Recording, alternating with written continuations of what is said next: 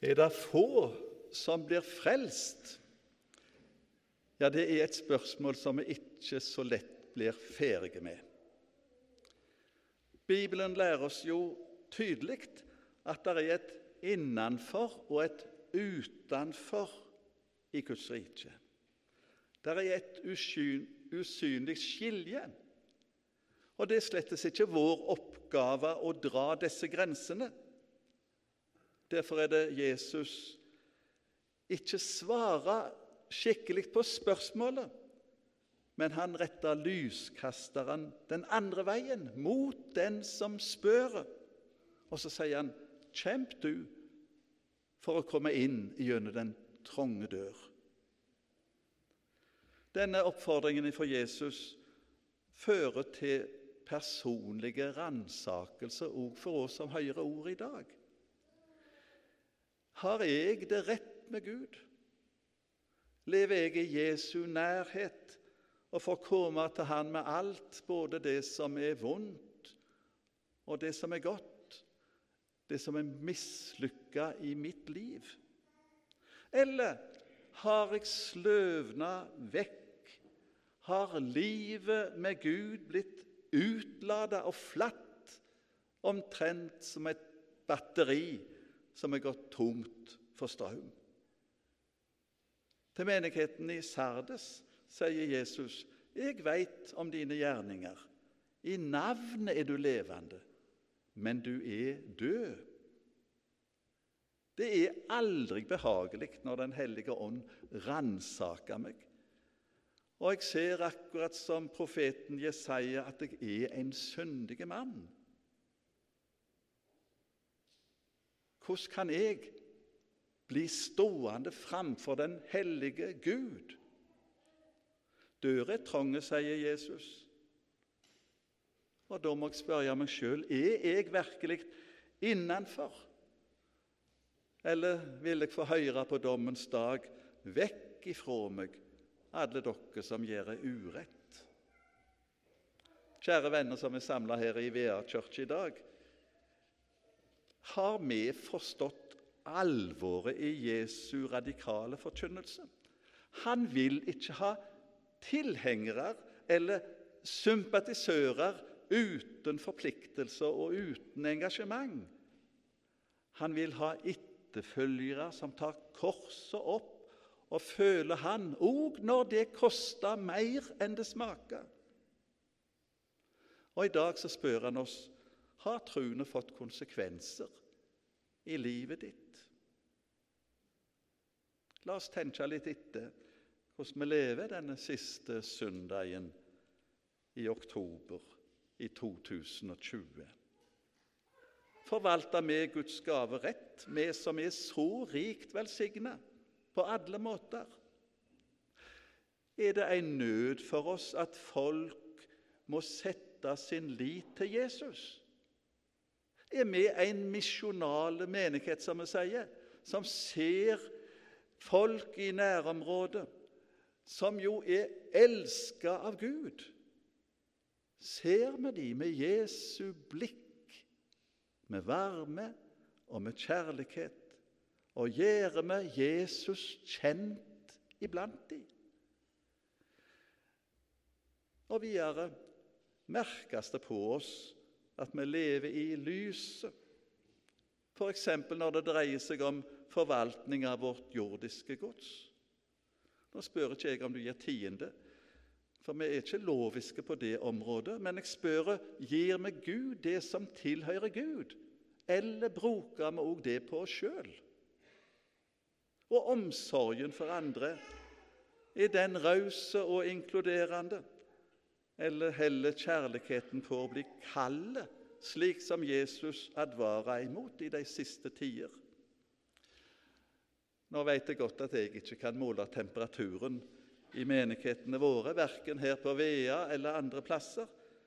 Men jeg har vært prest i over 46 år, og overalt der jeg har vært, er det noen som har opplevd avstand og ensomhet. De blei ikke sett. Det er både nødvendig og godt at Jesus vil komme nær oss i dag. For å tenne opp igjen truene og håpet og kjærligheten i våre hjerter. For det vil han gjøre. Men det er ikke noe billige trøst Jesus gir. Det kan være vondt når den store legen skjærer i det som må behandles og helbredes. Men han er full av omsorg og nåde, midt i vår unnfallenhet og våre nederlag. Den fortellingen vi hørte fra profeten Jeremia om pottemakeren, det er jo et bilde på Gud. Det viser oss noe viktig når pottemakeren står det ved dreieskjevet og arbeider, og det karet som han lager, blir mislykka. Da lager han det om til et annet kar som han er mer fornøyd med. Og så sier Gud, 'Kan ikke jeg gjøre med dere slik som denne pottemakeren gjør med karet sitt?' Nå skal vi i dag få mulighet til å oppleve dette på en konkret måte. Guds handling, Guds nåde som møter oss, det skal vi få oppleve gjennom nattværen. Nattværen har jo forskjellige funksjoner. Det er et minnemåltid, det vi får del i det Jesus gjorde for oss gjennom sin død og oppstandelse. Det skal vi få lov å ta imot med våre tomme hender. Det er òg et fellesskapsmåltid der vi kjenner enheten med hverandre på tross av alle ulikheter. Det er fordi vi tilhører den samme Guds familie. Men så er det òg en bekjennelse av at vi trenger en frelser. En som kan gjøre helt igjen det som er mislykka og forfeila i våre liv. En som kjenner oss, men likevel elsker oss med en evig kjærlighet. Gud sendte ikke sin sønn til verden for å dømme verden, skriver Johannes, men for at verden skulle bli frelst ved Han. En av mine sterkeste opplevelser i forbindelse med nattvær det skjedde på et sykehjem i Gjerpen, der jeg var prest i mange år. Vi hadde nattværgudstjeneste et par ganger i semesteret på dette sykehjemmet, og det var mange som deltok. En av beboerne het Anna. Jeg kjente henne litt, og jeg visste at hun strevde med truene. Og Hun hadde ikke vært til nattvær, fortalte meg en gang, ifra hun var konfirmant. Og det var det over 70 år siden. Da var det vanlig at det gikk til nattvær på den første søndagen etter konfirmasjonen. Og det hadde hun gjort, men ikke seinere. Hun følte seg ikke verdig nok, sa hun. Det er jo en forferdelig tanke, dette. For det er ingen av oss som blir verdige i oss sjøl. Det er Jesus som er vår verdighet. Nå begynte Anna å bli demente, og det var ikke lett for henne, for hun var både forvirra og frustrert. Men hun gikk på andakt hver eneste veke. Før nattværhandlingen begynte, denne, denne gudstjenesten vi hadde, da gikk jeg rundt som jeg pleide å gjøre, rundt blant eh, beboerne som satt der og de som ville være med på nattverd, fikk da et beger. Når jeg kom til en annen, så ristet hun bare på hodet. Hun ville ikke være med. Når gudstjenesten nærma seg slutten og nattverden var over, da hørte jeg plutselig en stemme som sa, 'Er det for seint nå, prest?'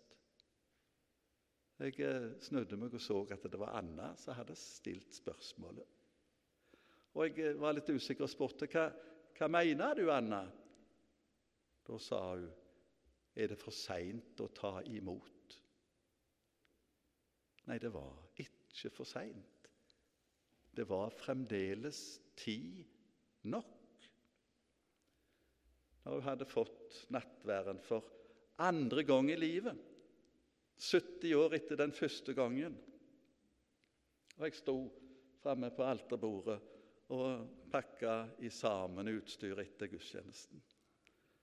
Da hørte jeg plutselig at Anna begynte å synge. Det var en gammel nattverdssalme som hun sikkert hadde lært i konfirmasjonstida. Og hun sang med skjelvende, men likevel tydelige stemme. Du Guds lam, uskyldig på korset i helslaget. inntil døden lydig, hvor ille du var plaget. For vår skyld ble du såret, har våre synder båret. Miskunn deg over meg, o Jesus. Jeg sto helt stilt, akkurat like stilt som dere satt nå, og lytta til sangen. Jeg visste at dette var et hellig øyeblikk, for Anna hadde funnet tilbake til nådens kjelle Ennå var det ikke for seint. Så har vi som er samla her i dag, muligheten. Hvem du enn er, så er nådens dør åpen for deg. Jesu legeme og blod, det er for deg og til deg. Og derfor kan vi si til hverandre Kom, for alt er gjort ferdig.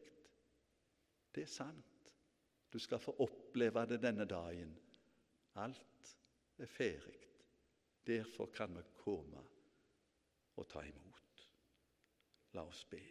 Vi takker deg, Jesus, for at du er den samme òg i dag. Takk at du møter oss ikke med dom, men med nåde. Og du hjelper oss at vi kan åpne våre hjerter for deg og våre hender og ta imot det du vil gi oss. Ære være Faderen og Sønnen og Den hellige ånd, som var og er og blir en sann Gud fra evighet og til evighet.